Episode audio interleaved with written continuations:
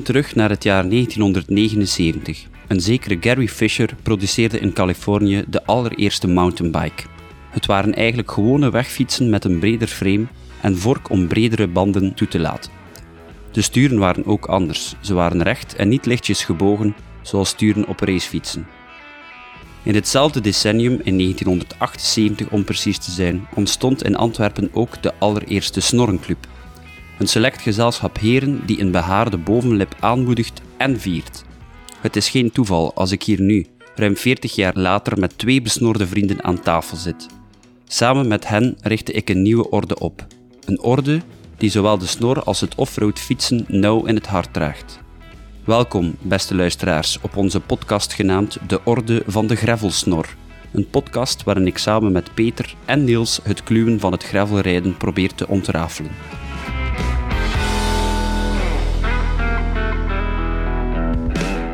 Hallo, beste luisteraars. Voor het eerst zitten we niet met drie, maar met vier aan tafel. Onze gast vandaag is niemand meer of minder dan Thijs Goemare.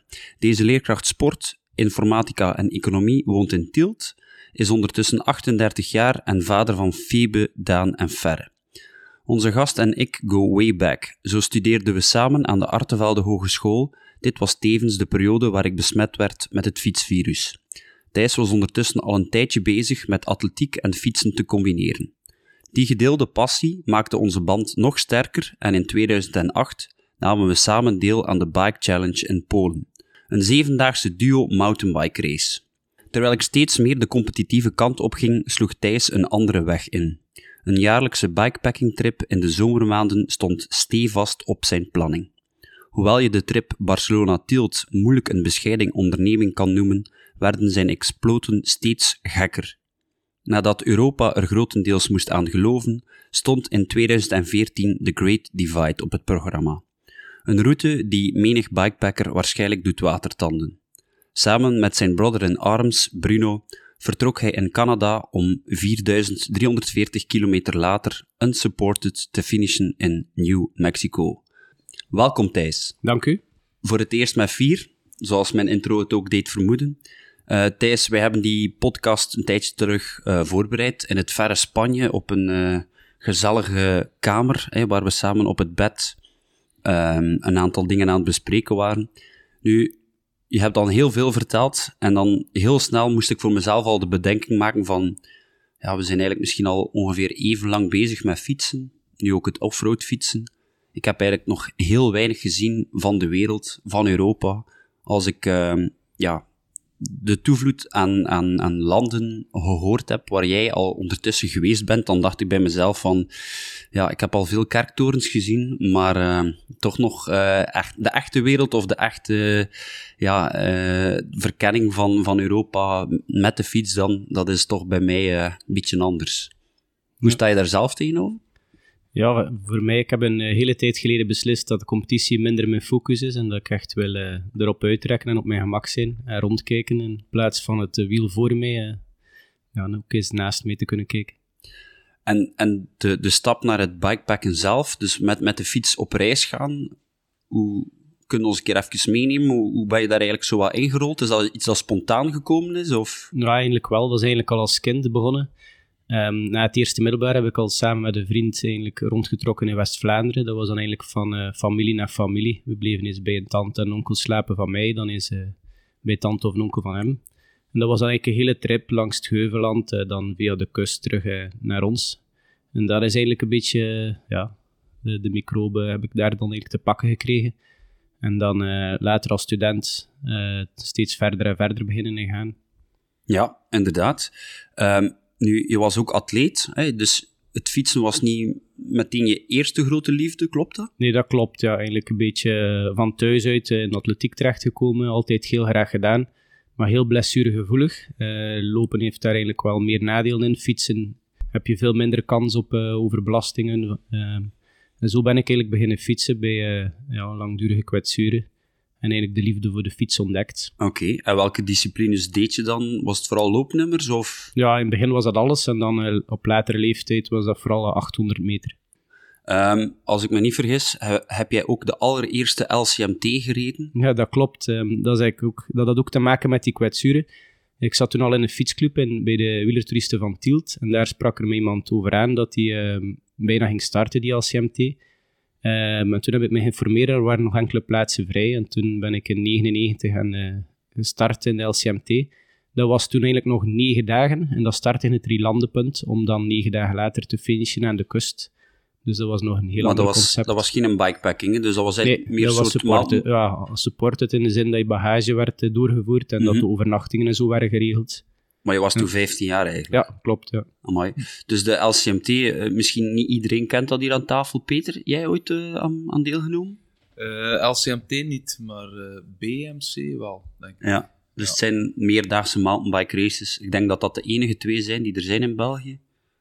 Eh, BMC, LCMT, ja, dat is zo'n de enige. Ik, ik heb Ja. zelf ook BMC en LCMT al gereden, maar dat is dan vrij snel een formule geworden van vier dagen, denk ik, eh, ja, voor de inderdaad, ja. LCMT. Logistiek was het heel moeilijk om negen dagen het land door te trekken. Ik heb me trouwens ook laten vertellen dat de LCMT-organisatie eigenlijk in eh, augustus ook een gravel-versie Ja, plant. Klopt, ja. Die Ah, hij weet van programma. meer, Ja, ik heb met Kurt gesproken op Velofolies en die staat inderdaad gepland eh, Ja. in augustus. Ja.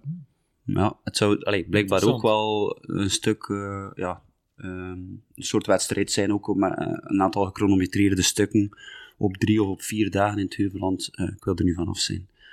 Eh, Oké, dus eigenlijk was je al heel snel door de, door de microben gebeten. Ehm, we zijn dan ook zelf eh, beginnen fietsen, we hebben dan ook wel wat koersjes gereden en zo. Eh, we hebben dan ook een andere copain leren kennen, zal ik maar zeggen, Bruno. Ehm, en met hem had je dan eigenlijk wel heel snel, denk ik, de juiste persoon gevonden. Klopt dat? ja, zeker en vast. Daar heb ik geluk mee gehad, want eh, het is niet altijd simpel om heel lang met iemand onderweg te zijn. De mensen waarmee dat je twee maanden kunt eh, op pad zijn, ja, die zijn echt schaars. Ehm, Ja. en met Bruno lukt dat eigenlijk bijna altijd vrij goed. Ja, ik, allee, ik, ik vraag me ook altijd af, ehm, ja, hoe, hoe begin je daaraan? Allee, ik bedoel, ik denk dat de eerste trip die je gedaan hebt, was van, met het vliegtuig naar Barcelona en dan ja, teruggefietst? met Bruno of? was dat de eerste trip samen. Ja. Ja, En dan waren we totaal onvoorbereid. Dan hadden we gewoon ehm, een GPS-bestand gevonden op internet, dat op de GPS gezet. En misschien gewoon, eventjes, eh, sorry dat ik je onderbreek, maar dat was denk ik 2008, Ja, dus klopt. hoe zat dat dan qua routes? Eh, dat- was dat, dat zoals was we dat nu kennen? ehm, Of? Ja, die route zat heel goed in elkaar. Dat is een Nederlander, Paul Benjaminse. Die heeft de website Onbegrensd Fietsen. Mhm. Dat is een tip voor iedereen die het eh, verhard wil fietsen. Die dus eigenlijk ehm, ja, niet off-road wil fietsen, maar Ja. toch lange trips wil doen. Die heeft fantastische routes. En een van die routes was van Barcelona naar, eh, naar België. eh, of naar Nederland. En die hebben wij gevolgd. Ah, oké. Ja, dat is eigenlijk, wij, Bruno en ik noemen dat eigenlijk de Nederlandse manier van fietsreizen. Dat is met veel bagage, meestal verhard. Ehm, die mijden ook wel de hoogtemeters, omdat die zodanig veel mee hebben. Eh, wij zijn eigenlijk een beetje zo gestart en dan gaandeweg hebben we ontdekt dat het eigenlijk wel leuker is om weinig bagage mee te hebben en meer hoogtemeters te kunnen doen. Ehm, en ook om off-road te rijden. Dat is eigenlijk een beetje onze evolutie geweest in eh ja, eh 15 jaar tijd.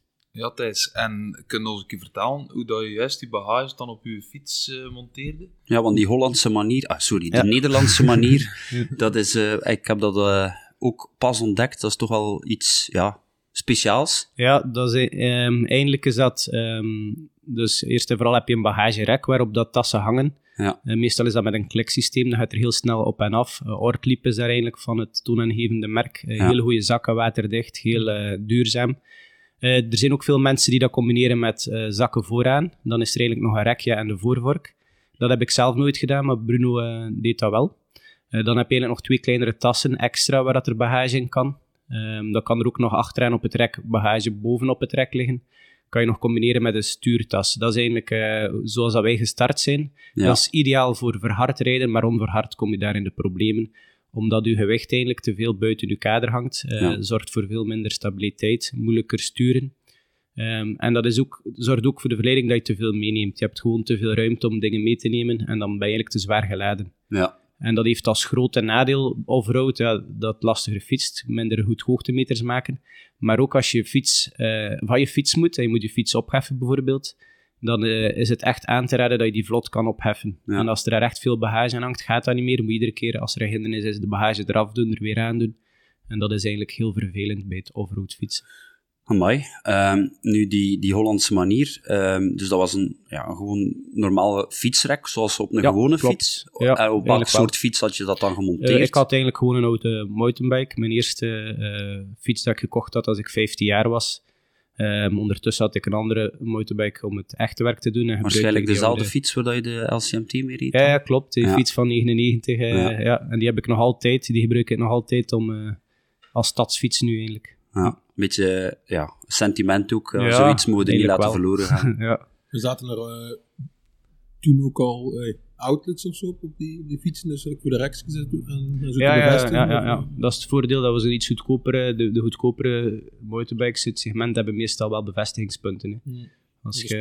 ja, ja, ja. Ja, want we hadden het er in een vorige podcast, podcast ook al een keer over, dat we dus, ehm, dus als je die zakken aan de voorvork gaat Ja. monteren, dat wij ons toch afvragen of dat dat goed stuurt nog Ja, altijd. Stabiliteit. Voor die heb, stabiliteit.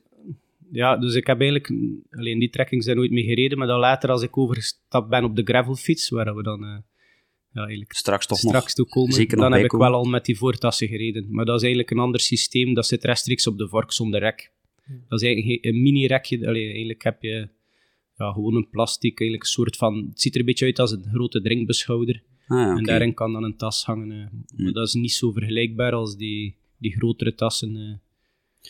Goed, misschien nog even over jullie eerste tip, eh, of trip, sorry, van Barcelona terug naar huis. Dus jullie hadden heel veel bagage mee. ja, als klopt. ik mij, eh, veel te veel. Ja. ja. veel te veel. Kun je daar iets over vertellen? Zo'n ding die zegt van, ah, dat was echt een Ja, gigantische fout die we daarin gemaakt hebben. Ja, jeansbroeken, ja, dat heb je niet nodig op een fietsvakantie. Ja. Ehm, Een overhemd. een dat nu net niet, maar eh, Is het ook in de zomer? dan ook, ja. Het was in de zomer, ja, in juli. Ehm, boeken ook. Allee, Bruno en ik lezen wel graag een keer iets, maar dan eigenlijk moet je echt op zoek gaan. Je, hebt, ehm, ja, en je kunt ook boeken hebben die eigenlijk geen hardcover hebben, echt kleine pocketboeken, dat bestaat echt om te reizen. Dat is handig. Tegenwoordig heb je ook de e-reader, eh, Ja. maar wij hadden twee dikke boeken mee ook. En ja, dat is... eh, ja. Ja, eh, je zegt ook een e-reader, maar bijvoorbeeld, eh, wat ik me ook altijd afvraag, hoe doe je dat dan voor alles wat digitaal is? Hè? Een GPS, een gsm-toestel, eh, ja. neem je dan een powerbank mee, of een zonnepaneel? moet je of- natuurlijk een beetje een kijken ja, hoe vaak dat je in de bewoonde wereld bent. Hè. Ja, In onze meeste tochten viel dat wel mee. Konden we eigenlijk bijna elke nacht of om de twee nachten wel alles opladen. Maar in onze tocht in Amerika bijvoorbeeld, ja, dan, eh, dan neemde dat allemaal niet mee. En Ja. e-reader, eh, dat wilde eigenlijk zo weinig mogelijk afhankelijk zijn. ja. Eh, de GPS bijvoorbeeld, eh, die we daarvoor gebruiken, is de Garmin e-Trax. En die heeft nog AA-batterijen, dus gewone batterijen dat je er kan uithalen. En als je dan ehm, twee paar extra batterijen mee hebt, eh, kun je eigenlijk 60 uur fietsen zonder dat je moet opladen. dat is al een en Dus ander. dan kan je En is dat dan eigenlijk een soort GPS-toestel speciaal voor trekkingfietsers? Dat Allee, is een- voor, voor ja. bikepackers? In principe, dat is eigenlijk uit de autoreeks van Garmin. Ah ja, oké. Dat is zowel om te wandelen als te fietsen. Dat is eh, ja, eigenlijk de autoreeks. Ja, Is dat dan ook sterker qua signaal? Want ik kan mij wel ja inbeelden... die is sterker eh, dan signaal. Al moet ik wel zeggen dat ehm, nu de laatste fiets-GPS'en toch ook wel een vrij sterk signaal hebben. Maar Ja. vroeger was dat echt een significant verschil. Ja, Als ik voor, allee, bijvoorbeeld denk periode 2008, 2012, eh, de gewone fiets-GPS, het signaal was toch wel een heel stuk zwakker. eh. Ja, Ze waren ook opvallend groter. Hè. En ja, ja groter en modellen antenne. ook, eerste had een antenne. En- Ja, en antenne ja, ook, hè, ja. klopt, ja. Ehm, in onze voorbereiding heb je mij ook verteld, Thijs, dat je ehm, ook in Nieuw-Zeeland al Ja, bent geweest. klopt. Maar dat was meer vakantie gekoppeld aan fietsen, niet Ja. echt een bikepacking trip. Het eerste plan was echt wel om, om echt eh, de fiets te gebruiken om, het, eh, om de twee eilanden te verkennen. Maar ehm, ja, doordat ik geef ook les, zoals je al zei, en ehm, de vakantie moest dus in juli en augustus gebeuren. En dan is het daar natuurlijk winter en dat hadden we wel een beetje onderschat in ons jeugdige enthousiasme. Ehm, een hele dag fietsen en dan nog een tent opzetten en doen. En, ja, ja, dat vraagt wel wat in de winter. hè. En toen hebben we toch ook wel eh, grote stukken de bus genomen, ook om alles te kunnen zien in twee maanden. Ehm, ja. Ik hoor je heel vaak we zeggen, dus Bruno hebben we al genoemd, maar Ja. klopt het dat je bijna alle trips samen met iemand doet? Of... Ehm, ja, meestal wel, maar ik heb dan eh, de eerste keer in 2013 ehm, alleen op, of 14 alleen op pad geweest. En eigenlijk is dat me ook wel bevallen. Ja, En toen was het eigenlijk heel leuk, want dat was toen een trip eh, waarbij ik alleen vertrok en onderweg kwam er dan iemand even mee fietsen. Een collega. En dan aan het einde ben ik wel met mijn vriendin ge- geëindigd. En tussenin terug een stukje alleen. En dat vond ik ook echt wel fijn. En die trip in 2013, dat was naar Praag, als ik me niet Ja, vergis? Of? Ehm, vertrokken in Tirana, dus in Albanië. ja, En dan ehm, een stuk Albanië, Montenegro. eh, en dan... Albanië. Dat klinkt, dat klinkt voor mij alsof dat ik ieder moment van de dag eh, met een ge- een geladen pistool eh, moet rondrijden. Of, of, Ja, dat is wel speciaal. Op zich, op dat vlak viel dat wel mee. Ehm, maar ja, het is, het is eh, ja, echt wel een cultuurverschil. hè. Allee, dat is nog niet extreem. Je zit nog altijd in Europa, maar toch ja. eh, is het wel... Ja. Bedoelde dan ook echt onveilig gevoeld? Of? Ehm, nee, nooit echt onveilig gevoeld. Ehm, maar ja, je ziet echt wel de armoede, dus vuilnisbelden waar mensen dingen zoeken die toch nog enige waarde Oké, hebben. op die manier. Ja. Ehm, ja, echt eh, heel andere, ja, nog paard en kar. Je ziet ze nog het land bewerken zonder tractoren. Ja. Of toen, het is ook alweer tien jaar geleden, dus het is misschien ook al... eh, Maar ik denk wel, allee, Albanië zie ik hier staan, Montenegro, Bosnië, Kroatië, Slovenië, Tsjechië. Allee, dat zijn toch wel de, de, de minder courante landen, denk ik, waar dat eh, ja, met de pet, met de fiets uiteindelijk komt. Zeker van, vanuit onze regio. ja, Maar klopt wel, maar, maar niet altijd terecht. ik denk dat dat, denk ik Slovenië nu ondertussen toch ook wel een vakantieland is voor de Vlamingen. Ehm, eigenlijk, eh, Montenegro is ook heel, ehm, heel toegankelijk, heel, ehm, ja, heel veilig. Je kunt er ook ja, allee, heel laagdrempelig eigenlijk, je kunt er met de euro betalen. Ze hebben een heel grote Duitse invloed gehad. Mhm. Ehm, ja, zeker een land, een heel prachtig land, waar je eigenlijk veilig met de familie op vakantie kan. Ja, oké. En de plaatselijke inwoners, zijn die dan gastvrij? Ja, Voor, eh, eigenlijk wel. eh, ja, ja. Die, die zien nu wel, allee, ja, die vinden dat wel spannend. Zo. Die zien, toen zagen die ook nog niet zo heel veel fietsers. Ik weet bijvoorbeeld nog in, eh, in Albanië ehm, wilde ik vroeg vertrekken, want het was echt snikheet, het was in juli. En eh, ik was een bepaalde dag heel vroeg opgestaan. En ehm, rond zes uur hielden ze mij tegen aan een koffiebar. Ik dacht, oei, wat gaat dat nu zijn? Dat was nog maar een van mijn eerste dagen. En ze wilden gewoon koffie drinken en van alles vragen. Dus dat Ja. was, eh, en ik raakte niet meer weg, dus moest ik dan eh, twee uur later toch eh, veel te laat vertrekken en toch weer in de hitte te eindigen. Ja, fantastisch. Ja, ik denk dat dat ook wel een deel van de, van de ervaring is. Hè. U, u een beetje mengen, hè, dat klinkt zo romantisch. Hè. U mengen onder de lokale bevolking en, en, en opgaan in het niet-toeristische, Ja. zal ik maar zeggen. Maar evident lijkt me dat toch niet altijd.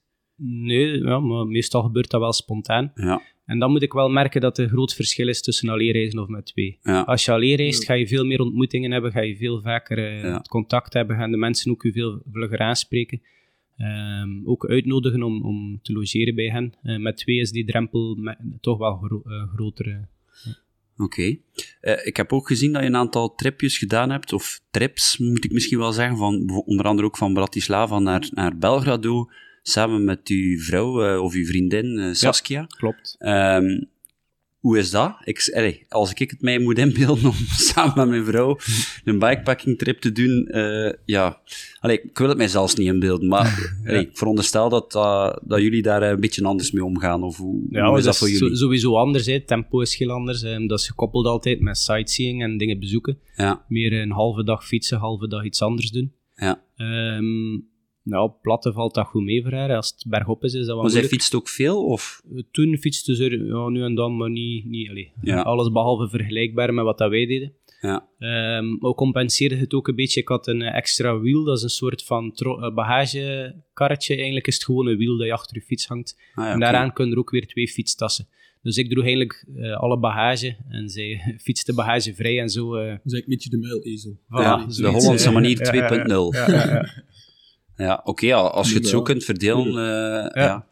Eh, ja, het, lijkt mij wel eh, een, een mooie relatietest, Peter. Ik ga er niet aan beginnen. Eh, ja, goed. Eigenlijk, ja, ik, we hebben het zo een beetje chronologisch proberen opzommen. En wat dat we misschien wel nog vergeten zijn, en dat, dat was iets dat, dat ik mezelf ook nog heel goed kan herinneren, dat jullie dat gedaan hebben, eh, jij en Bruno. Dat jullie ehm, met de fiets thuis vertrokken zijn en dat jullie dan eigenlijk in, in één ja, ruk, kan ik niet zeggen, maar natuurlijk in, in bepaalde etappes naar Sint-Petersburg zijn Ja. gefietst. Klopt, ja. Eh, Dat was, eh, het was- 2010. Inderdaad, dat was zelfs nog, sta- nog straffer dat jullie dan halverwege in eh, Polen zijn gestopt om dan ook nog een achtdaagse mountainbike race te doen tussen Ja. de soep en de patatten en dan nadien jullie toch te, verder te zetten. Ik- dat lijkt mij toch wel echt eh, een serieuze onderneming geweest. Ja, dat viel eigenlijk wel mee, maar eh, Kun je daar iets over vertellen? Want ik bedoel, ehm, hoe zijn je daarbij gekomen? Sint-Petersburg, dat Ah, ja, lijkt mij nu toch niet, ook niet de doorsnee bestemming, of ben ik nu veel te conservatief? Nee, de- Bruno eh, had altijd wel een fascinatie voor eh, Rusland. Eh, toen was het natuurlijk ook nog heel anders dan nu. nu Toen kon dat nog, hè? Ja, nu heeft Rusland natuurlijk een minder goed imago. En, Ja. ehm, maar ja, de, eh, ja, dat leek ons gewoon een leuke bestemming. En ook dan, eh daarvoor heb je ook al die Baltische staten, Ja. die eigenlijk heel lang eh, ook ja, deel, deel zijn geweest van de Sovjet-Unie. En daar waren we echt heel nieuwsgierig naar, van hoe is het leven daar aan de rand van Europa. Maar dat was allemaal nog eigenlijk verhard dan, die, die routes die je deed? of? Ehm, Ja, ehm, maar ehm, in Letland, eh, Litouwen en Estland had je heel veel ehm, onverharde grindwegen. Ja, de gravel. Yes, dat was eigenlijk de eerste kennismaking met de echt lange gravelstrook. Ja. En dan spreken we soms over stukken van 20 kilometer. eh. En was u, allee, dus je reed met de mountainbike, eh, misschien Ja. een beetje wat technischer. Dus welke banden, eh, welke keuzes had je daar gemaakt? Of, of Wel, eigenlijk eh, zijn dat volledige banden zonder profiel Ja. eh, daarvoor. Volledig slik. Ja, eigenlijk wel. Op die lange shutters, eigenlijk, op die lange grindwegen heb je dat niet echt nodig voor profiel te hebben. Dat scheelt uit rechtdoor. Ehm, en dan eh, zijn dat eigenlijk Continental Tourride dat ik gebruik, omdat die een hele goede anti-leklaag hebben. Ja. Die lopen iets minder, die zijn iets zwaarder, maar je wilt uiteindelijk op een fietsreis niet platvallen, want Ja. dat, is, dat is niet leuk. Ehm, je Is wilt dat, echt een degelijke Is band. dat een beetje vergelijkbaar bijvoorbeeld met de banden die je nu vooral ziet op Piet Pedelecs en zo? Dat zijn ook allee, vrij Ja, brede, dus wel, ja, wel vergelijkbaar. zijn ze ook zo ja. breed? Ja, ja, ja, ja. 40, Ja, het 42? waren 40, Ja, ja, ja. 40, ja. Ja, en, en ja, je- je noemt het daar ook, lek rijden. Ben je al veel lek gereden? Of? Dat viel mee, eh, eigenlijk de eerste trip gewoon omdat de bandenkeuze verkeerd was. Ja. En dan hebben we eigenlijk eh, ja, onderweg andere buitenband gelegd en dat was probleem. bedoelt dan de trip van Barcelona terug naar huis? Klopt, ja. Ja. Toen had ik, had ik eigenlijk gewoon te smalle banden, ja, Ja. iets te, me- Ja. te snelle banden die eigenlijk eh, meer gericht waren op het gewone fietsen zonder bagage. Ja, ja natuurlijk, eh, je noemt het ook al, de snelheid. Uiteindelijk is dat voor jullie minder belangrijk. Ja. Eh, het gaat dan vooral, denk ik, over de, ja, de weerstand, eh, of, of om, om, om niet lek te rijden, ik zal het zo maar zeggen. ja. Ehm, en als je dan een keer net wat minder grip hebt, dan rijd je wat trager, denk ik. ja, klopt inderdaad. ja. Ehm, Plus ja, je kan ook nooit voor zo'n trip, als je 5000 kilometer doet, kan je nooit de ideale band hebben voor het volledige parcours. hè. Dus het is altijd compromis sluiten. Ik veronderstel dat je het dan ook met binnenbanden rijdt. Ja, Eh, hoe lost je dat dan op als je zo'n trip doet? Hoeveel houdt je ja dan mee? dat, dat- elk twee denk ik. Eh, elk twee binnenbanden bij en dan eh, nog plakgrief. En dan als je die, een binnenband nodig hebt, ga je natuurlijk proberen om zo snel mogelijk nieuwe te kopen. Hè. ja. Dat je er altijd vier hebt samen. Nu, we spreken over 2010, als ik mij niet vergis, dus dat is toch wel al een, eh, 13 jaar geleden. Dus ik denk, tubeless was, was nee, nog dat niet... was toen niet aan de orde. Ja. Nee, zeker niet met mijn fiets. Ik denk dat dat wel allee, al op de mountainbikes al gebruikt werd. Ik denk dat we een bike challenge in Polen zagen we daar toch al mensen Ja. hun banden tubeless maken, maar dat was echt nog een heel gedoe ook soms. eh. Ehm, goed, ehm, ik denk dat, dat je dan eigenlijk gewoon een beetje stelselmatig verder gegroeid bent, letterlijk en figuurlijk misschien, naar, naar ja, laten we zeggen, misschien jullie ja, belangrijkste, of mag ik misschien niet zeggen, maar toch wel eh, meest uitdagende onderneming in 2014. Hebben jullie dan eigenlijk de Great Divide Ja. gereden, jij en Bruno? Ehm, misschien eerst iets over de route, wat is het juist? Ja, het is eigenlijk een off-road route die start in Canada, Mhm. in eh, Banff. En die eigenlijk eindigt, eh, die dan eigenlijk naar de grens van Amerika gaat en dan door vier staten. En dan eindigt aan eh, de grens met Mexico. Een 4340 kilometer zie ik hier staan. ja. Zo kunnen. ja. Ja. Maar uiteindelijk die kilometers, allee, ik bedoel, heb je een idee van hoe lang dat je daar exact over gedaan hebt? Of Ik hoe denk zat op, het op de route planning? dat we een dag of 47 gezeten hebben. ja. Ja, Eh, dat is echt, voor ons is dat echt touring, echt op het gemak. eh, Ja. ja. allee, dat is relatief, hè, dat is natuurlijk, maar ik denk dat het record op 13 dagen staat of zo. mooi. Ik heb Ehm, het opgezocht. inderdaad. Er is is ook een, 13 een, eh, dagen. een, Divide Race. Ja, ja, klopt. Ah, ja. En het record staat inderdaad op 13 dagen, Ja. 22 uur. Ja. Dus Dus, dat ja, is, bijna eh, 14 dagen. Ja. Dus ja. wij waren echt in tourmodus als je vergelijkt. Maar goed, je hebt ook mensen die het in vier maanden doen. Allee, dat is Tuurlijk. zoals dat je zelf... eh, Maar dat is echt, echt de jaarlijkse race. hè. ja. Maar ja, die, is ook al uit 2016. ja, dus, die mannen zijn, zijn echt redelijk zot. eh. Qua ja. materiaal is dat toch ook al Ja. eventjes geleden. Dat gaat dan over de vaste route. Ja, maar ehm, het probleem is, ehm, als je zo snel rijdt zoals die mannen, ehm, dat je eigenlijk in, in New Mexico stukken hebt die nog niet bereikbaar zijn ehm, door modder en omdat dat veel regent. En dan zijn er soms alternatieve stukken Ja, op de weg. Ik heb Ja. het ook gevonden dat... En als je, het is moeilijk, allee, omdat je soms eh, hebt nog sneeuw soms in Canada. Dus het is echt moeilijk om een periode te vinden dat je eigenlijk heel de route... eh, Wel, die racing door eh, 9 juni. Dus Ja. ik weet niet... eh, ja, dan heb je, kunnen in Canada nog miserie hebben met, eh, met sneeuw. eh. wij hebben bijvoorbeeld sporen gehad van lawines, dus dan was het ehm, eigenlijk heel veel bomen die omlagen. Dus een stuk van 10 kilometer waar dat je 100 keer je fiets moest over een boom heffen. En vandaar ook dat ik sprak dat het belangrijk is dat je die fiets vlot kunt... eh, Ja. Want als je drie keer op een dag je bagage in moet afhalen, ça va, maar als je honderd keer eh, in een boom moet passeren en je kunt je fiets niet alleen opheffen, ja, heb je een probleem. hè. Ehm, Oké, ja, dat klinkt... eh, en die reed trouwens met een eh hardtail. Ja. Ik denk Ja. dat hardtail dat dat voldoende Ja. is. Nee, we hebben het misschien nog niet exact gevonden, maar Thijs, je hebt er wel gezien. Hè? Het gaat hier ook voor een stukje over gravel. Dus er zijn wel ook al eh, ondernemingen geweest op de gravelbike, als ik me niet Ja, ja, zeker. Wij hebben er tegengekomen.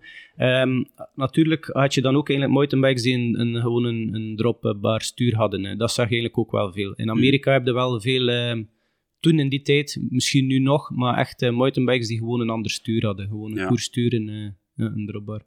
Ah, oké. Ja. Dan wist ik niet dat ze Dus dat... eh, gewoon om, om meer eh, verschillende posities te hebben en ook omdat je hele lange stukken rechtdoor hebt, hè, dan kun je eigenlijk veel eh, aerodynamischer die lange stukken overwinnen. hè. Ik zie ook soms aerobars gemonteerd staan, Ja. dus zoveel van die opzetstuurtjes. Zeker bij van die bikepacking, heel lange ja, races, maar ook gewoon gewone tochten. Heb jij dat ooit zelf Nee, gemonteerd? nee, nee, nee. Omdat ik nooit echt snel wilde vooruit allee, gaan. Ja, ja. Dus we zag er niet echt nut van. Nee, nee, nee. Ik kan wel geloven, ja. Allee, je wint er zeker mee als je heel lang rechtdoor moet tegen wind. Het is zeker nuttig voor Ja. mensen die races doen, maar eh, voor ons was het niet aan de orde. Misschien ook al zo'n keer allee, een andere positie nog aan te nemen. Een beetje comfort, een beetje... Ja, ontlasten van bepaalde ja, spieren. Natuurlijk Ja. maar met de houding wel Ja, aan d- kunnen. dat, is, dat is wel iets heel belangrijk, hè, die, dat je veel posities kunt hebben. eh. Ja. Mijn eerste race had ik eigenlijk last van eh carpet tunnel syndroom. Dus eigenlijk een ehm, zenuw die gekneld zat van altijd gewoon op mijn mountainbike sturen in dezelfde positie te rijden. Met eigenlijk een knik in mijn hand. En daarna, de race, dat, ik heb dat echt acht, negen maanden gevoeld. En de race daarna altijd gezorgd dat mijn hand mooi in het verlengde was van mijn, eh, onderarm.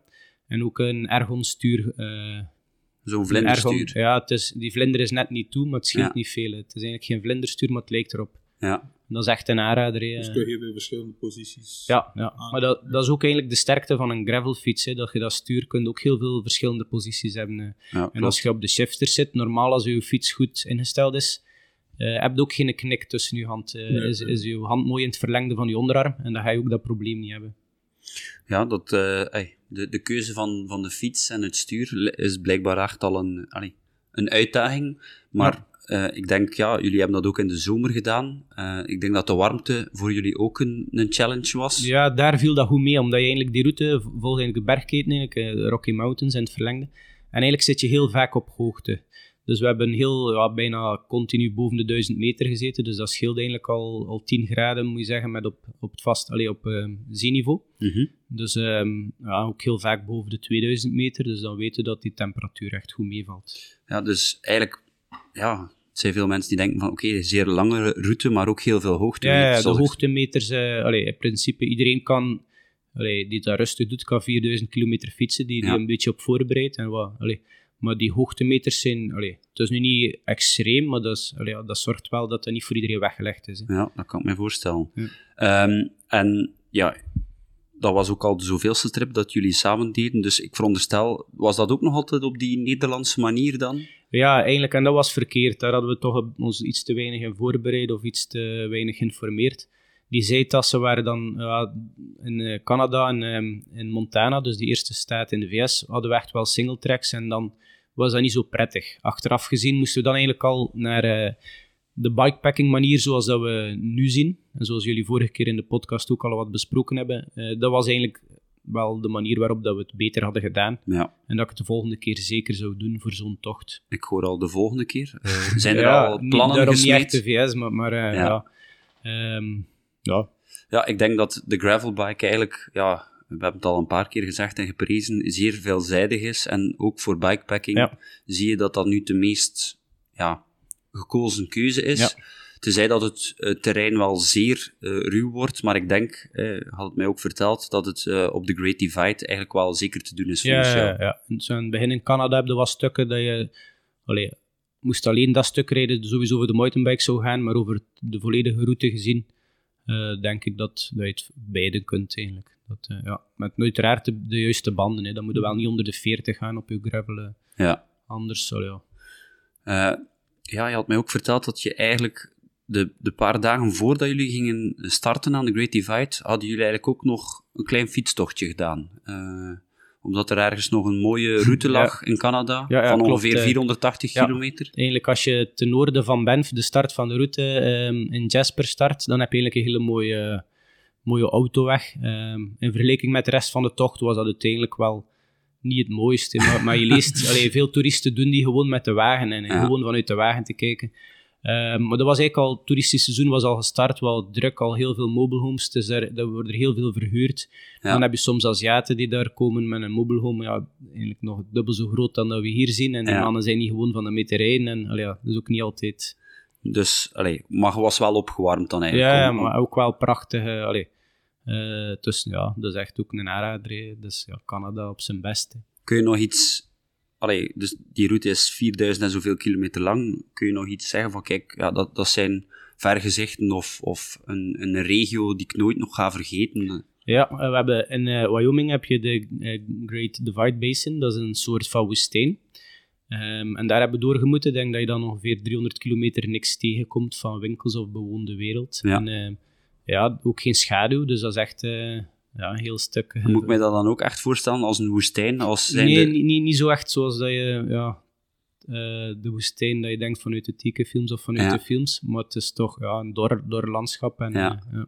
En dus dan moesten jullie alle, alle drank en dergelijke eh, sowieso meenemen dan? Klopt, ja, ja. Dat wordt ook wel een beetje mispakt, iets te weinig mee. Ja, gelukkig dan nog een ranger die ons passeerde en die dan de GPS-coördinaten gegeven heeft van een bron. ja. We hebben daar ook eh, elkaar wat verloren, dus dat was ook eh, zo- zonder gsm-bereik niet zo, niet zo aangenaam. eh. Jullie zijn elkaar verloren in de woestijn. Ja, ja klopt. Dat moet je toch een keer uitleggen. Ja, we gingen kamperen op een plek en ja, Bruno was, was de afslag voorbij gereden en dus ik was de tent al aan het opzetten, want ik was wat voor. Ja, En ik heb hem niet zien passeren, want het was, het was eigenlijk een klein, klein meertje dat, dat ik aanstond. Dus, ja. Ja. Dus, eh allee, je zegt, eh, ik was wat voor. Dus het is ook niet zo, als je aan zo'n onderneming begint, dat je van A tot Z eh, naast elkaar Nee, eh, nee, nee, filosofeert. eh, Nee. Hoe moet ik mij die dynamiek voorstellen? ja, de ene dag rijden soms een halve dag samen en dan een halve dag niet. En dat, is- dat is heel wisselend. Ja. Het En, hangt ook af van de hoogtemeters. Hè. ja, ja, Allee, Bruno is zeker een betere klimmer zonder bagage, maar met bagage eh, klim ik meestal iets rapper, omdat ik iets zwaarder ben. En dan Ja. is voor mij is 12 kilo bagage minder Procentueel dan voor, procentueel dan voor Bruno. Dus eh, de verhoudingen liggen dan anders. ja. Op een koersfiets moet ik hem niet proberen te volgen, maar op een fiets met bagage klim ik gewoon sneller, omdat ik Ja. zwaarder ben en dat ik minder last heb van mijn bagage. En maak hebben jullie daar op voorhand afspraken over Nee, gemaakt? dat of- is altijd heel spontaan. eh, Ja. ja. nee. Dat is bijna altijd goed gekomen. we hebben de ene keer in, eh, op die reis even een dag of vijf apart gereden, omdat we, dat er een klein bommetje was ontploft. Ah ja, Ehm, Bruno, Een CO2-patroon wa- dan. Ja, zoiets. eh, Bruno Ja. was heel, allee, had geen GPS, dus ik moest iedere keer wachten aan een afslag. ja, En op het moment dat hij dat wel, achter een week of drie, heeft hij dat wel een GPS gekocht daar. ja. En de eerste dag dat hij die GPS had, eh, heeft hij eigenlijk, is hij weggereden en ik, ik had pech en hij, ik droeg, ja, hij droeg het fietsherstelgrief. Ah ja, oké. En ik had, eh, ja, dus een platte band en hij was weg. En hij had me s'avonds gewacht. Dus en dat was ook een stuk met veel modder en mijn eh, fiets koekte, dus de modder koekte vast tussen Ja. mijn eh, voorband, voorwiel en mijn vork. En ik moest eigenlijk echt, eh, ik heb 20 kilometer gewandeld ja, door die modder en die platte band. Dus s'avonds was ik niet zo, Was niet voor aan te niet spreken. zo vrolijk en dan hebben we een paar dagen gesplitst en erachter. Maar eigenlijk ook wel leuk, want we, was al- we waren dan al de hele tijd samen op pad.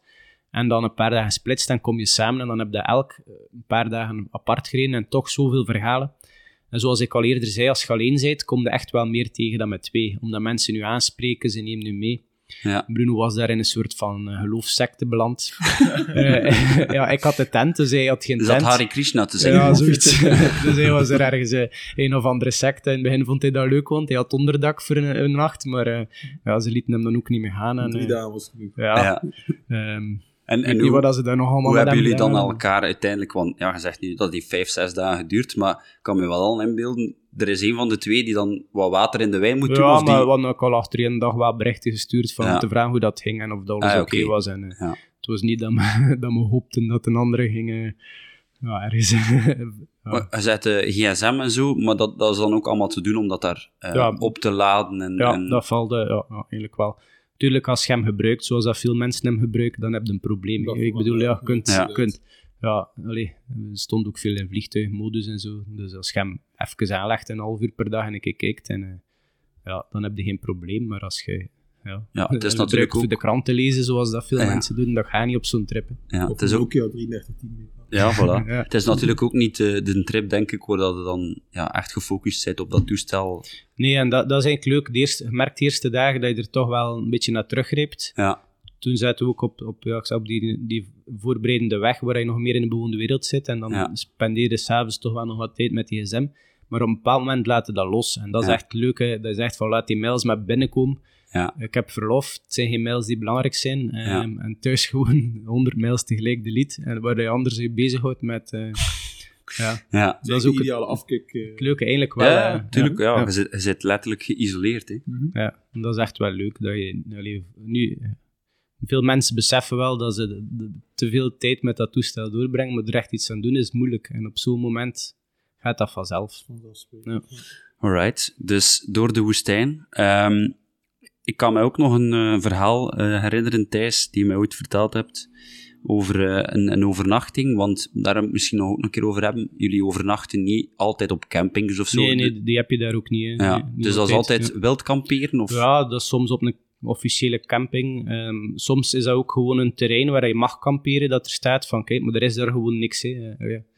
Eh, het staat op dat dat een campground is, maar je komt daartoe en ja, dat, dat lijkt... Die bomen zijn juist hetzelfde als die bomen 100 meter ervoor. Heet. Ehm, soms ook een keer vragen aan mensen of dat we in de tuin mogen slapen. Ja. Of, eh, ja, en soms een keer een hotelletje, want allee, ja, je hebt soms ook wel graag een keer een bed. Voor een keer een klein beetje comfort. Als je dan bezig bent over kamperen, eigenlijk, dan denk ik toch al aan, aan veel extra ook. Ja, dat is Ja, altijd een beetje het nadeel aan... eh, Ik weet niet waarom, het is te zien. Je, een tent is toch al ja, in ja, mijn ogen vrij... eh, je, je kan daar ook heel veel in variëren. Hè. We hadden een tent waar je echt nog kunt recht zitten, echt nog allee, ja. iets grotere tent. Eh, natuurlijk, als je met twee het grief verdeelt, lukt dat. Hè. We hadden één tent voor twee en dan... eh, maar ja, je hebt ook van die hele platte tenten waar je juist kunt inliggen, die net boven u zijn, dat je niet kunt inzitten. Dat scheelt heel veel in gewicht en plaats. We hebben zelf iemand tegengekomen die hetzelfde deed als ons met een bivakzak, dus die eigenlijk geen tent had. Mhm. Ehm, ja, lijkt me wel leuk voor een paar nachten, maar voor twee maanden in een bivakzak langs de kant van de Dat is weg te liggen. eigenlijk een, een soort slaapzak. Ja, dat is eigenlijk een hele goede slaapzak die tegen de weersomstandigheden kan. Hè. Ja. Maar eigenlijk ligt er gewoon ja, Bloed. in een, een, Ja. een sterke ook slaapzak. zaken, eh, zoals een vuurtje. Of, of Ja, een, eh, ehm, een brandertje dat zowel op gas als op ehm, benzine kon, eh, had, had, Hmm. ja, had Bruno mee. We hebben het eigenlijk alleen op gas gebruikt. Hè. Eh, voor die reis was dat niet nodig, maar voor, als je nog extremere dingen doet, is het wel handig dat ook benzine aan kan. eh, ja, ja. Ja, ehm, ik, ik had het hier ook al een keer opgesomd, dus je hebt ook wel ey, verschillende, we hadden er ook in de vorige podcast al over gehad, hè, welke soorten bags dat er allemaal bestaan. Ja. Zo die, eh, eh, voor u was een van de belangrijkste, dacht ik, die zadeltas. Eh, misschien Ja, kun je dus- een keer... dus, eh, nu, allee, de reis waarover we praten was nog de oude, de Nederlandse manier, zoals dat we zeggen. Ja. Maar nu, als ik nu trips doe, ehm, dan is het eigenlijk, eh, heb je de zadeltas. Dus eigenlijk, ehm, die hangt onder het zadel, aan Ja. de zadelbuis. Mhm. En een stuk aan het zadel ook, bevestigingspunten. En daarin ja, komt er een groot deel van, het, ehm, van de bagage. En dan spreek ik het groot deel over volume, niet in gewicht. Daar wil je eigenlijk niet het zwaarste hebben, maar daar wil je wel de kleren hebben voor s'avonds als je toekomt. Eventueel een extra paar schoenen. Eh, anders dan de fietsschoenen als dat nodig is. eh, Zo'n zaken. Eh, een donsjasje. Eh, Ah ja, dingen dat, die... dat donsjasje, Ja. dat, was, dat was wel iets dat mij fascineerde. Want Ja, ik zag Thijs eh, onlangs en zegt je hebt mijn donsjasje aan. Ja. Ik zeg, een donsjasje? Ah ja, zegt hij, ik neem dat... Het was zo'n decathlon vestje, zo. Ik heb er ondertussen ook in huis. Ja, voilà, dat kan ook niet anders. Hè. Hij zegt hij, ik gebruik dat altijd eh, om te gaan bikepacken, maar dat heeft nogal een veelzijdige toepassing. Uh, kun je misschien vertellen waarvoor dat je dat exact ja, gebruikt? je kunt dat eh, voor van alles. hè. Als je tijdens fietsen wat code hebt, doe je er al aan. Ehm, als je s'avonds ergens toe komt, doe je het aan.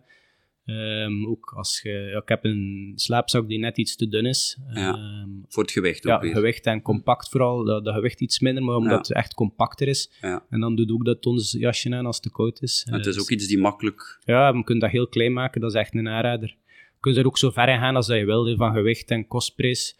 Maar ehm, ik weet niet, we mogen geen reclame maken, maar dat van de Decathlon, eh, prijskwaliteit, top. Ik gekocht Ja. vorige week en al voor 60 euro. inderdaad. Ja. Ja. En- en- Top. Maar het is ook voorzien om eh, samen te werken. Ja, ja, het kan via de zak. Ja, het dus, eh, zak. de, de zak waar dat je eigenlijk... Allee, Misschien is het effectief wel daarvoor ontwikkeld, ik weet het niet. Hè. ja, het komt, het, is, het komt wel daaruit, maar je ziet meer en meer mensen die dat gewoon dragen als Oh, ja. jas. hè. Het is Hipsters. zacht en het is... Ja. Peter, had hij zo al een donsjasje? Ik heb nog geen donsjasje, maar Oh, ik heb wel gezien dat de Lau, de Lau, eh is ook vrij te spreken over zijn donsjasje. Ah ja, inderdaad. Het is Laurens ten Dam, voor de, de mensen die zich eh, afvragen wie de Low is. Het is niet de broer van Astrid Bryan, Nee. maar eh, eh, de, de godfather of gravel. eh. Als hij eh, luistert, dag Laurens. Ehm, nee, maar inderdaad, je ziet het wel, wel meer, hè, omdat het dus ook ja, de gewone fietskleding, je moet dan een vestje of een body of Ja. dan, dan een KW, maar zoiets, ja, je doet het erover, het is warm, het is, Ja. Het is, het is ook makkelijk, want Ja. allee, ik, ik stond er ook van versteld toen je zei van, ja, maar eh, ik neem meest- meestal maar één broek en één Ja, ja, ja, eh, koerstrui mee. Ja, dus eh, de meeste lange trips had ik Fietstrui, moet ik zeggen. Ik twee broeken mee wel, ehm, maar als ik trippen doe, ehm, korter dan twee weken, is het mij eigenlijk met één broek te doen. En die broek, die, die, die, die was je dan Ja, soms een ergens, handwasje. of- ja, handwasje, of als we kunnen een wasmachine gebruiken, graag. Dat is Ja. natuurlijk ja, veel handiger dan met de hand, maar eh, ja. U vertelde me ook nog eh, dat als je er niet in slaagt om je kledij te drogen, je er soms mee slaapt. ja, dat is eigenlijk de beste manier als je je kledij, dus je fietst en s'avonds heb je iets anders mee van kleren. Eh, maar als je fietskleren nog nat zijn en als je kampeert, ja, moet je niet denken, ik ga ze aan een boom hangen, ze gaan morgen vroeg droog zijn, want ja, jammer genoeg niet. Ehm, Ze en zijn dan, weg waarschijnlijk. Ja, kunnen ze best aanhouden. Ja, Ja, dus is- dan met natte kledij de ja, slaapzak. dan heb je wel natuurlijk een kwalitatieve slaapzak nodig die ademt, hè, want Ja. anders... eh, ja. Dan kunnen ze soms net drie uur afdoen en dan... Wat denkt u Niels? Maar dat is... eh, Natte kledij de slaapzak in? Ja, ik zou toch moeten opletten. eh. Ja. nee. Ik Oh, ben ook al vrij gevoelig eh, in mijn uh, ja, liestreek, zal ik maar zeggen. Dus ik denk zo naar hygiëne, Hygiëne en zo, ja. Ja, dat je dat toch Ja. wel ja, opletten. Dat is Dat- kiezen of delen. Hè. ja, dat is raar, Ja. maar, maar die hygiëne is, is, dat is super raar. Die eerste dag dat je niet wast, dat is echt, echt vuil. Als je in je slaapzak kruipt, je hebt een hele, je hebt 8, 9 uur gefietst en gezweet, en je kruipt vuil in die slaapzak, Ja, en denk je ja. van, ah, ik ben een vuilaar. Dat is een beetje het festivalgevoel. oké, ja, ja, ja. ja. ja. Maar op een Daar ben je pa- wel al gewoon vanaf de tweede dag is dat, is dat weg. Hè. Zo van, Ja. allee, ja. Oké, ja, Je dat is creëert een- eigenlijk een extra bescherming. Ja, ja, ja, ja. Ja. natuurlijk. We zijn ook allee, overhygiënisch eh Ja, ja, geworden tuurlijk. als je vergelijkt met vroeger. eh. Ja. Maar goed, ja. Als, als er meer is of zo, gaan we er natuurlijk wel inspringen voordat we in onze dan- slaapzak kruipen. Maar Ja, en als er dan fietsers die u inhalen in een ruime boog u passeren, dat weet eh. dan wordt het tijd om er meer op te zoeken. Als, als er meer insecten rond u zitten dan rond u eten, dat weet je. Eh, ja, nu, ik was daar net begonnen eigenlijk, met, maar we zijn dan een klein beetje afgedwaald. Ik was eigenlijk, eh, ik zou nog graag een keer dat verhaal horen over ehm, die plaats waar je op de Great Divide geslapen hebt, eh, bij die persoon met al die gaten in het parket. ja, ehm, dat was op het einde van de trip in New Mexico. We mochten er bij iemand thuis slapen en ja, zijn, zijn houten vloer zat vol met gaten. En wij vroegen hoe dat, dat kwam. Ja, dat waren gaten van kogels. Ah ja, oei, ja. Ja, ik ben, ben bang van slangen, zegt hij. En als er een slang in mijn living zit, direct er vol vooruit en eh, ziet ze dood. Ah ja, en zitten er hier dan veel eh, ja, ja, gevaarlijke slangen? Ah, oei, en we hadden de nacht ervoor eh, gewoon ergens op een boerse land geslapen en we waren te lui geweest voor, zijn tent, voor onze tent op te zetten. Dus we hadden eigenlijk... ja, Ja. Dus, dat gewoon... Je stipt daar zoiets aan. hè. ik bedoel, het is toch wel een ander deel van de wereld. Ook wel wat andere dieren die daarbij komen kijken. Ja, ik ben eh, ja, niet tegen dieren, maar ik heb er toch een, van nature uit een beetje schrik van. Ik weet niet welke ervaring had je daar Ja. zo al Ja, meegemaakt. zo extreem, allee, is daar ook niet, maar toch, eh, je hebt in het begin natuurlijk die, de beren dat je kunt tegenkomen. hè. We hadden eigenlijk al denk ik, de eerste vijf dagen hadden wij al drie zwarte beren gezien. Echt, echt In vrij Canada dicht, ja, Ja. in Canada. Maar dan wilde ja, die, die, die zwarte beren, dus dat zijn de iets kleinere. En dan wilde ook die grizzly, de bruine beren. Ja, Heb je een beetje iets van, ik wil hem zien, maar ik wil hem ook niet zien. Zo, eh, ja. Toch van niet te dicht. maar Ja, er, er te is één... Ja, hebben- dus de, de zwarte beer, dan moet je groot maken, zeker? ja, En- dat en- weet ik niet. eh. En de grijze beer moet beginnen lopen, is het niet zoiets? Of omgekeerd. Ja. Of omgekeerd. En de dus, ehm, ijsbeer moet de fishsticks eh, of zo. En was dat zo dat je een spray mee had? Of ja, dingen in het begin, ja, dat is wel grappig. Want de eerste dagen doe je dan die spray in je achterzak, dat die klaar is. En heb je zo'n berenbel.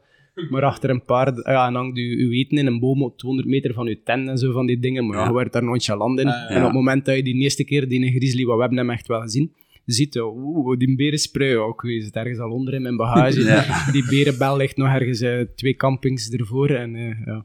Ja. Ja, dat is goed afgelopen. Ja, eigenlijk wel. We hebben eigenlijk echt eh, een grizzly kunnen bekijken van vrij dicht. ehm ja, hij zat te eten langs de kant van de weg en dat was wel eh, spectaculair. eh, ja. ja, de vorige fietser aan het... eh, ja.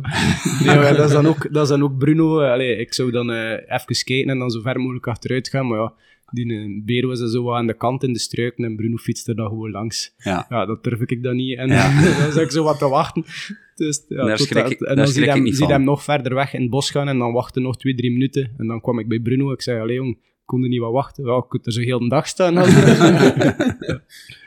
Ja, oké. Ehm, als je nu dus... Gaat ook een, een gravelbike, een, Klopt, een ja. track eh, checkpoint? Ja, ik heb dus in ehm, ja, 17 of 18, dat was eigenlijk een beetje voor de hype, ehm, wilde ik eigenlijk een nieuwe trekfiets. En dan ging ik eigenlijk meer een tra- traditionele allee, trekkingsfiets kopen, maar dan wilde ik echt wel een dropbaar stuur hebben. En dan heb je wel ehm, ja, heel wat fietsen, maar ehm, ja, bijvoorbeeld Santos, dat is, een, dat is een Nederlands merk, dat is Mhm. echt top. Dat is een beetje mijn droom voor binnen 10 jaar. hè. Maar die zijn vrij prijzig.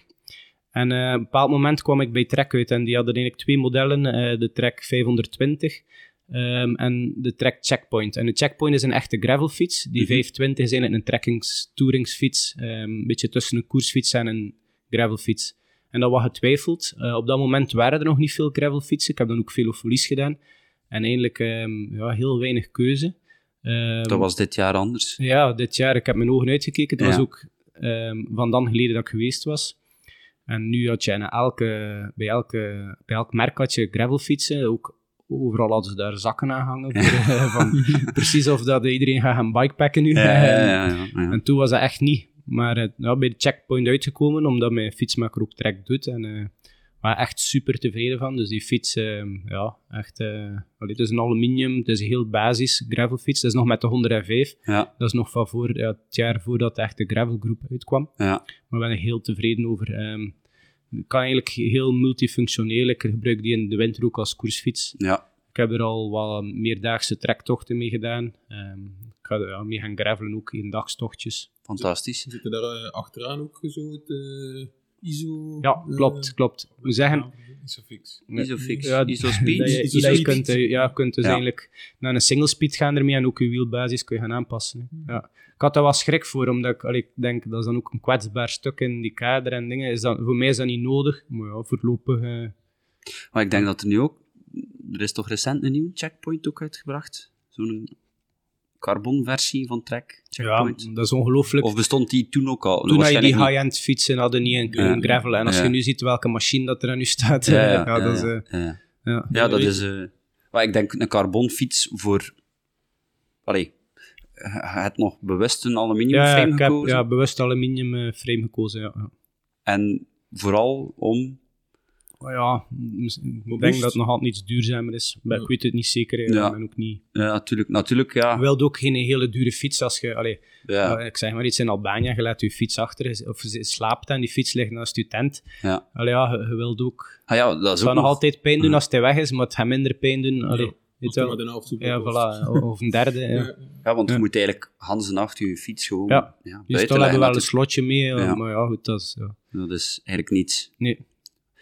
Alright. Ehm, over drinken en eten zou ik ook nog iets willen Ja. weten eigenlijk. Ehm, je vertelde me dat je een soort ehm, ja, camelback gebruikt, maar in een heuptasformaat. Ja, klopt. Maar dat is eigenlijk pas recent, de laatste twee jaar. Dat is eigenlijk een, een heuptas, ja. En daarin zit er eigenlijk een camelback, zo een drinkzak, zoals Ja. je in een rugzak hebt. En dat vind ik heel handig, omdat je op mijn rug, ja, sommige trips doe ik dat ook wel, maar daar zweet het toch meer, heb je toch meer het gevoel dat je die rugzak aan hebt. En die heuptas voel ik eigenlijk echt niet. Die drinkzak is wel maar een liter en een half, maar ik combineer dat. Dus de reden waarom dat ik geen drinkflessen gebruik, is omdat mijn frametas hangt binnen mijn kader, dus tussen de, de, zit, allee, de zitbuis, bovenbuis en schuine buis. Is volledig opgevuld. Ja, volledig opgevuld, 100%. Ik heb ook een tas waar dat niet zo is, hè, maar bij langere trips wel.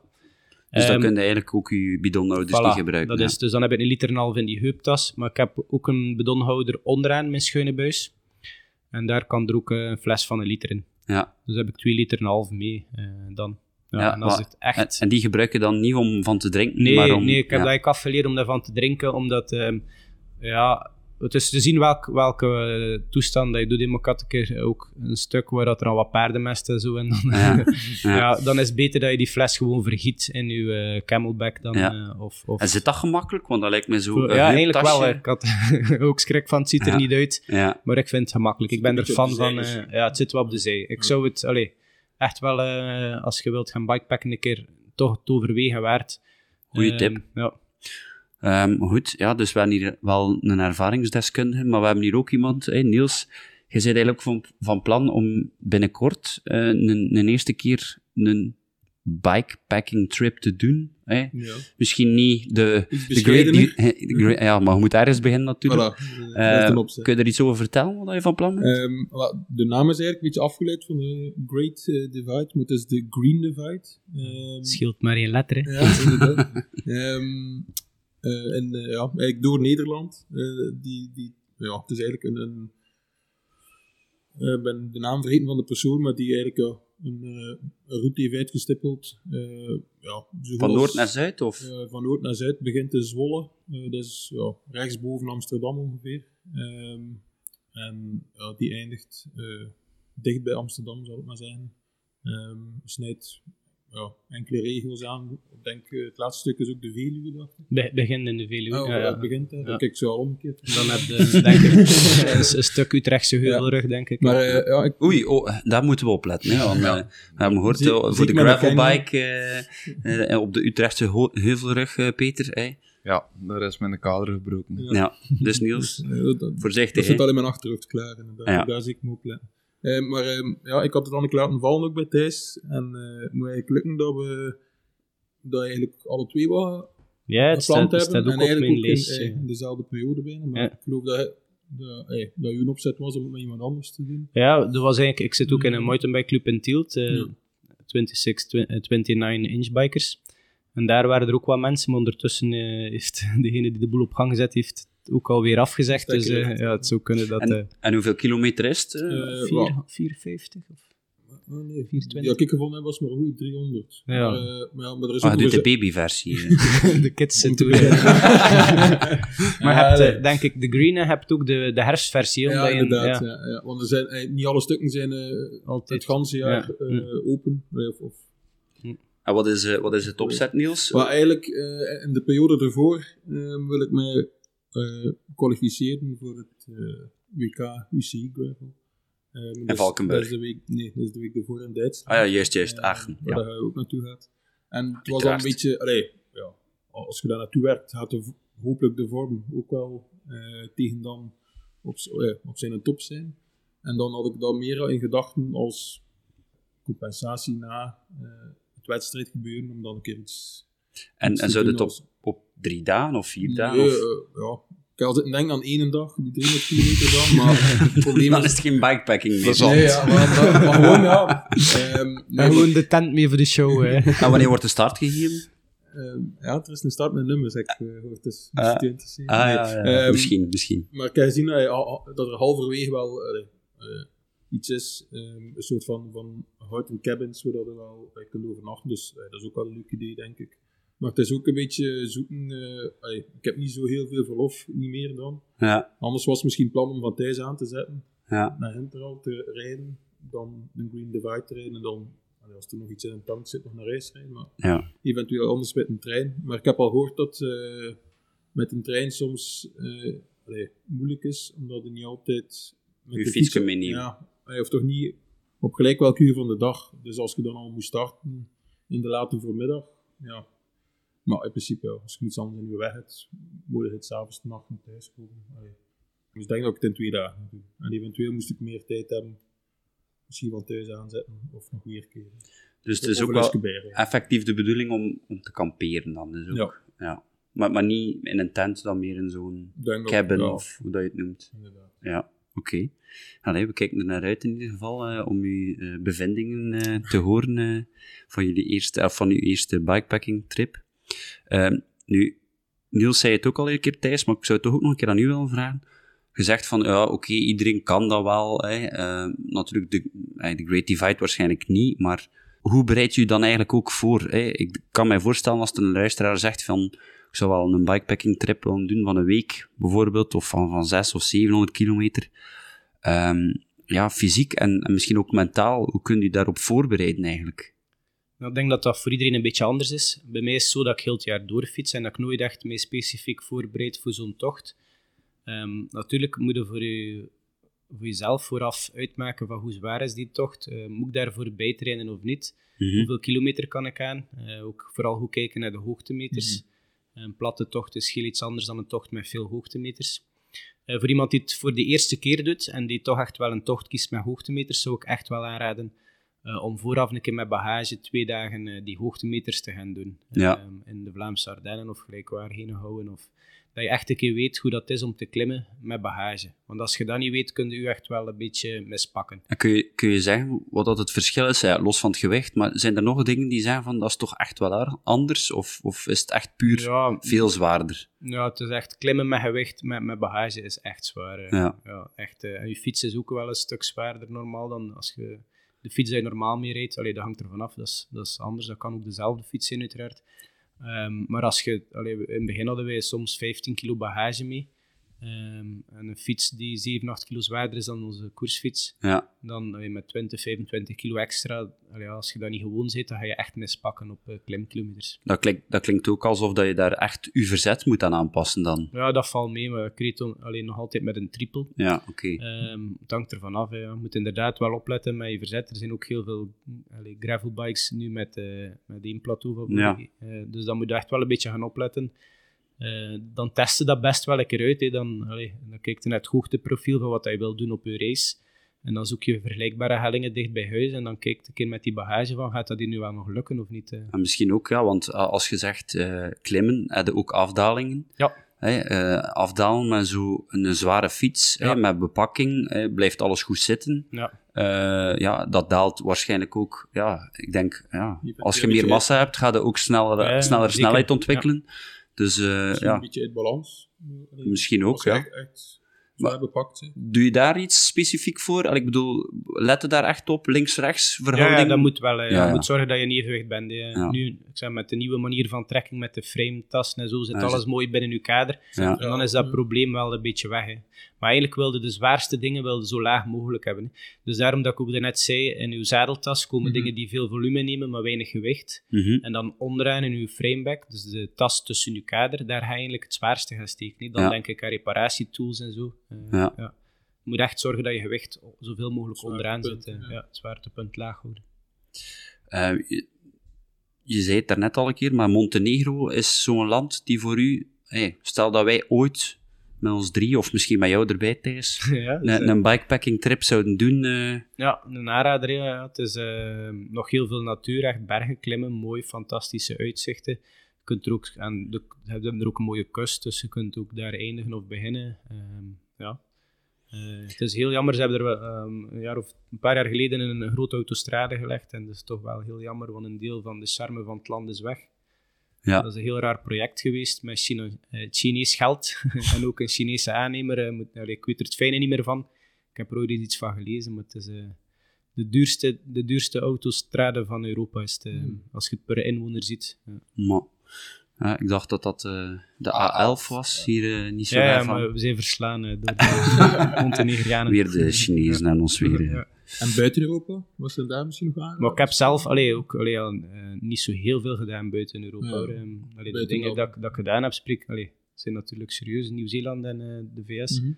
Maar Nieuw-Zeeland is fantastisch. Hè. Ik denk dat veel mensen dat ook wel, uh, Ja. wel al weten ondertussen. Maar de drempel om te gaan is groot. hè. Het is echt... Tuurlijk, Veel Ver. verder kan je niet gaan. hè. Ja, nee. maar, eh, maar ook een land waar ik zeker zou durven met jonge kinderen gaan. Of uh, allee, dat je echt veilig zit. En, eh, ja.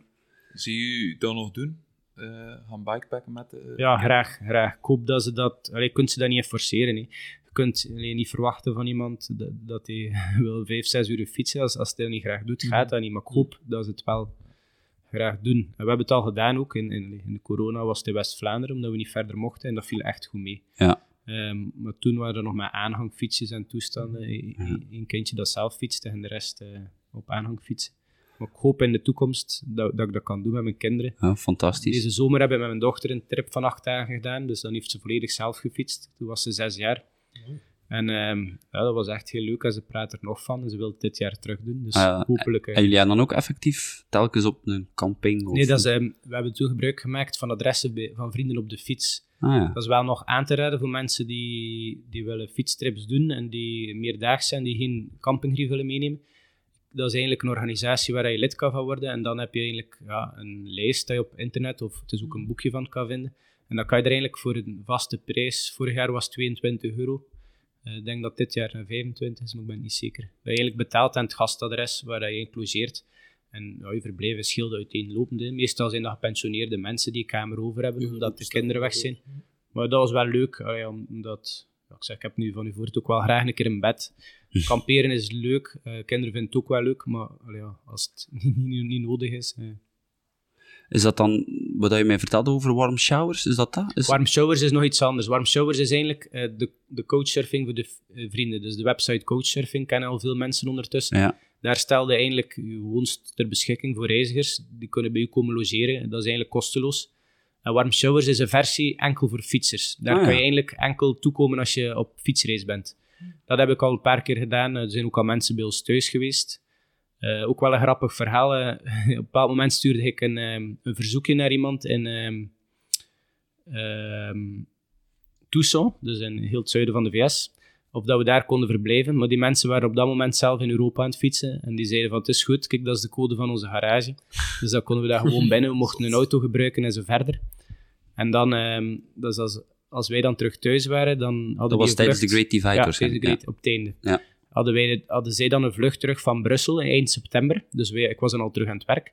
En eh, we hadden dan afgesproken om in Brussel samen iets te gaan eten. Ja. En dan eh, op die manier. En dan het jaar erop zijn ze terug bij ons komen logeren. Eh, want die mensen ontvluchten daar de warmte. Want Tucson in de zomer is echt, echt niet normaal. Daar kan je eigenlijk niks doen buiten. Ja, maar jullie hebben er dan toch in gefietst. Ja, niet zoveel. Ja. Ehm, ja, toch wel een stuk. Ja. En dan, dan is het echt de woestijn zoals dat in je hoofd zit. Met de Ja. grote cactussen. En, eh, ja, Ja. ja, het is natuurlijk, ja, we, we, hebben het in het begin van de podcast al gezegd, eh, het is ook, ja, dan, dan leer je ook echt mensen kennen die ook, ja, gelijkgestemde zielen. Dat is zoals een, eh, ik stop ook, ook voor een lifter, omdat ik zelf ook nog gelift heb. Hè. Het is zo'n soort community die je creëert, en die, allee, wel, het wel ja. tof dat je dan eigenlijk, ja, misschien kennissen, of toch misschien Ja. zelfs vrienden. ja, eh, ja, dus sommige mensen heb je dan wel nog wat contact. eh, ja. ja. Ehm, misschien tot slot, Thijs, wat staat er nog op uw bucketlist? Oh, Kirgizië, dat staat eigenlijk vrij hoog eh, op mijn bucketlist. Ja, om daar eens rond te fietsen, dat is echt ook een land, ja, denk de gemiddelde hoogte daar is ook van het land boven de 2000 meter of zelfs nog hoger. Echt een bergland, ja, het ziet er fantastisch mooi uit. Ehm, ik hoop van daar ooit ook eens te kunnen rondtrekken. Ja. En dan Zuidoost-Azië spreekt mij eigenlijk ook al lang heel erg aan. eh, ja. Ehm, ja, we hebben nu u, al uw ja, exploten, zal ik maar zeggen, al een keer eh, hier opgelijst gezien. Ehm, is er ooit een moment geweest dat je zegt van misschien wil ik ook wel een keer meedoen aan een competitief eh, bikepacking verhaal? Oh, voor mij wat minder, want allee, je hebt een bepaalde tijd beschikbaar dat je vakantie hebt. En dan moet je keuzes maken en dan is voor mij het, het rustig fietsen is, is voor mij Ja. eigenlijk prioriteit. Ik moet ook zeggen, allee, als je bijvoorbeeld zegt van die Divide, ik wil die raceformule doen, je zit al ja, 3.000, 4.000 euro kwijt gewoon. En dan voor dan twee weken tussen je kadertangen en Ja, je ja, en de hele tijd op je ongemak te zijn. ja, dan vind ik dat persoonlijk allee, ja, vrij duur voor, voor zoiets eh, te doen. Dan Ja. doe ik het liever in touringmodus Ja. en genietmodus, ja, eh, dan dat ik mee moet bewijzen. eh. ja, je kunt eigenlijk ook niet tussen je kadrang, want die in de zak hangt daar. Voilà. Ja, ja. maar ja, pas op, zo verschieten hoe weinig dat die winnaars mee hebben. Dat is echt ongelooflijk. hè. Ja, Ehm, ik ken, allee, we hebben iemand leren kennen die dan ook die twee keer competitie dan hebben, wat dat hij met mee heeft van bagage, geval achterover. Ja. Eh, het zijn mensen die dagtripjes doen die meer mee hebben dan... Meer eh, Ja. ja, ja, dat is... eh, Die ja. slapen gewoon in de wegkant. Eh, we, we- ze hebben hem ook zo leren kennen. We zagen plotseling iemand uit een dijk komen met zijn gezicht zo rood als iets. Van de insecten beten. die had daar wel liggen slapen, gewoon in een greppel. eh, ja. Ja. ja, dat is, ik denk dat dat ook nog een, toch nog echt een ander facet is van het bikepacking eh, gebeuren. Want uiteindelijk, ja, dat competitieve hoort er ook wel voor een stuk bij. Maar dat het dan ook wel, ja, vaak ligt niet meer aan ja, hoeveel kan ik fietsen of hoe snel kan ik fietsen, maar hoe weinig slaap Ja, heb ik voilà, nodig. dat is het. Dus die, die mensen die daar goed in zijn, moesten, allee, moesten jullie daarmee gaan fietsen, dat zouden niet versteld zijn van, van hun tempo of dingen, Ja. die hebben gewoon heel weinig slaap nodig, heel goed Ja. metabolisme, heel weinig eten nodig. Ja. Want als je heel de tijd een zoektocht moet doen naar eten, verlies je daar ook heel Mm. veel tijd mee. Ja, goed dat je het nog aanstipt, Thijs, maar we waren het vergeten. Voeding. Ehm, ja, als wij een, een lange tocht doen, hè, dan, eh, we hebben het er al eh, vorige podcast uitgebreid over gehad, gaan we ja, specifieke voeding en zoveel gram koolhydraten per uur. Hoe zit dat bij bi- bikepackers? Eh, is dat... Ja, daar, daar rijdt je zo'n beetje meer in het ritme van het dagelijkse leven. hè. Zo, Ja. je, gewoon je hoofdmaaltijden. Tijdens het fietsen gaat ook wel een keer iets binnenspelen, maar niet zo als Ja. je bij ons allee, zegt van ik wil een grote tocht rijden en ik wil vooruit gaan. Dan ga je de hele tijd proberen je koolhydraten aan te vullen. Daar speelt dat minder. Hè. Je inti- intensiteit is ook wat lager. Ja. eh, ja. Probeer het dan s'avonds plaatselijk te eten? Of Ja, maak je dat zelf je ja, soms, allee, ehm, twee derde van de tijd konden we daar niks kopen, dus hadden we echt al moeten boodschappen inslaan. Dus dat is ongeveer om de drie dagen dan dat je in de bewoonde wereld slaapt. En dan gaan we wel een keer op restaurant of een keer, eh, ja. Het frietkot. Zeggen, de pizza, in Amerika was de Pizza Hut bij ons ook heel populair. En dan in tegenstelling tot de Amerikanen hadden wij geen pizza, maar dan eh, plunderden wij de saladbar. Omdat je dan eigenlijk eh, heel veel verse groenten en dingen en olijfjes en Ja. En dan eh, ja, hadden wij daar drie, vier borden van de saladbar en één stukje pizza. En die Amerikanen eh, keken een keer naar de saladbar en hadden twee pizza's. Dus, eh. Oké, ja. Ik weet niet, gasten, aan jullie nog vragen? Of... Ik kan nog gewoon één tip voor eh, de luisteraars. Misschien, wat is het gadget dat ze moeten meenemen op een Goh, biketrip? eh, ik ben heel fan, maar ik weet niet of dat er echt een naam voor is. Een, een- ik noem dat een footpocket. Dat is zo een klein tasje dat je aan je stuur kunt hangen, maar zo een beetje rond. Het kan ook een drinkbel Ja, in, past ja. perfect een drinkfles in. En als, ik heb er zo twee hangen aan mijn stuur vaak op trips. En daarin, ehm, ja, dat start met, met eten zoveel wel onderweg. Wat snacks, eh, wat bars, wat dingen. Bananen en zo, of wel wat gesmeerde boterhammetjes zelf. En als dat eten wat minder is, kan ook dat jasje die op dat moment te warm is daar dan in. En zo. Allee, ik vind, Dat daar ben ik echt van. van eh, ja, een windjasje. Het dons, donsjasje zit achteraan. Ja, sorry. Maar eh, nee, dat vind ik iets fantastisch. hè, Ja, daar, eh, Onmisbaar. maar ja, onmisbaar. Ja. Ik, ik gebruik dat graag. eh, en toen had ik de Bruno ook een keer over verteld en heeft dat dan ook gekocht en is er ook fan van. eh, ja. Ja, het- ik denk dat je het ook voor jezelf een beetje moet ontdekken, wat dat er voor u, eh, tot hoe ver dat je gaat qua Ja. luxe of Ja, qua, dingen meenemen. En ook, ja, de ene stopt graag een keer om op het gemak iets te eten, de, ja, de andere blijft liever fietsen. Dus dat is voor iedereen anders. Hè. Ja, fantastisch.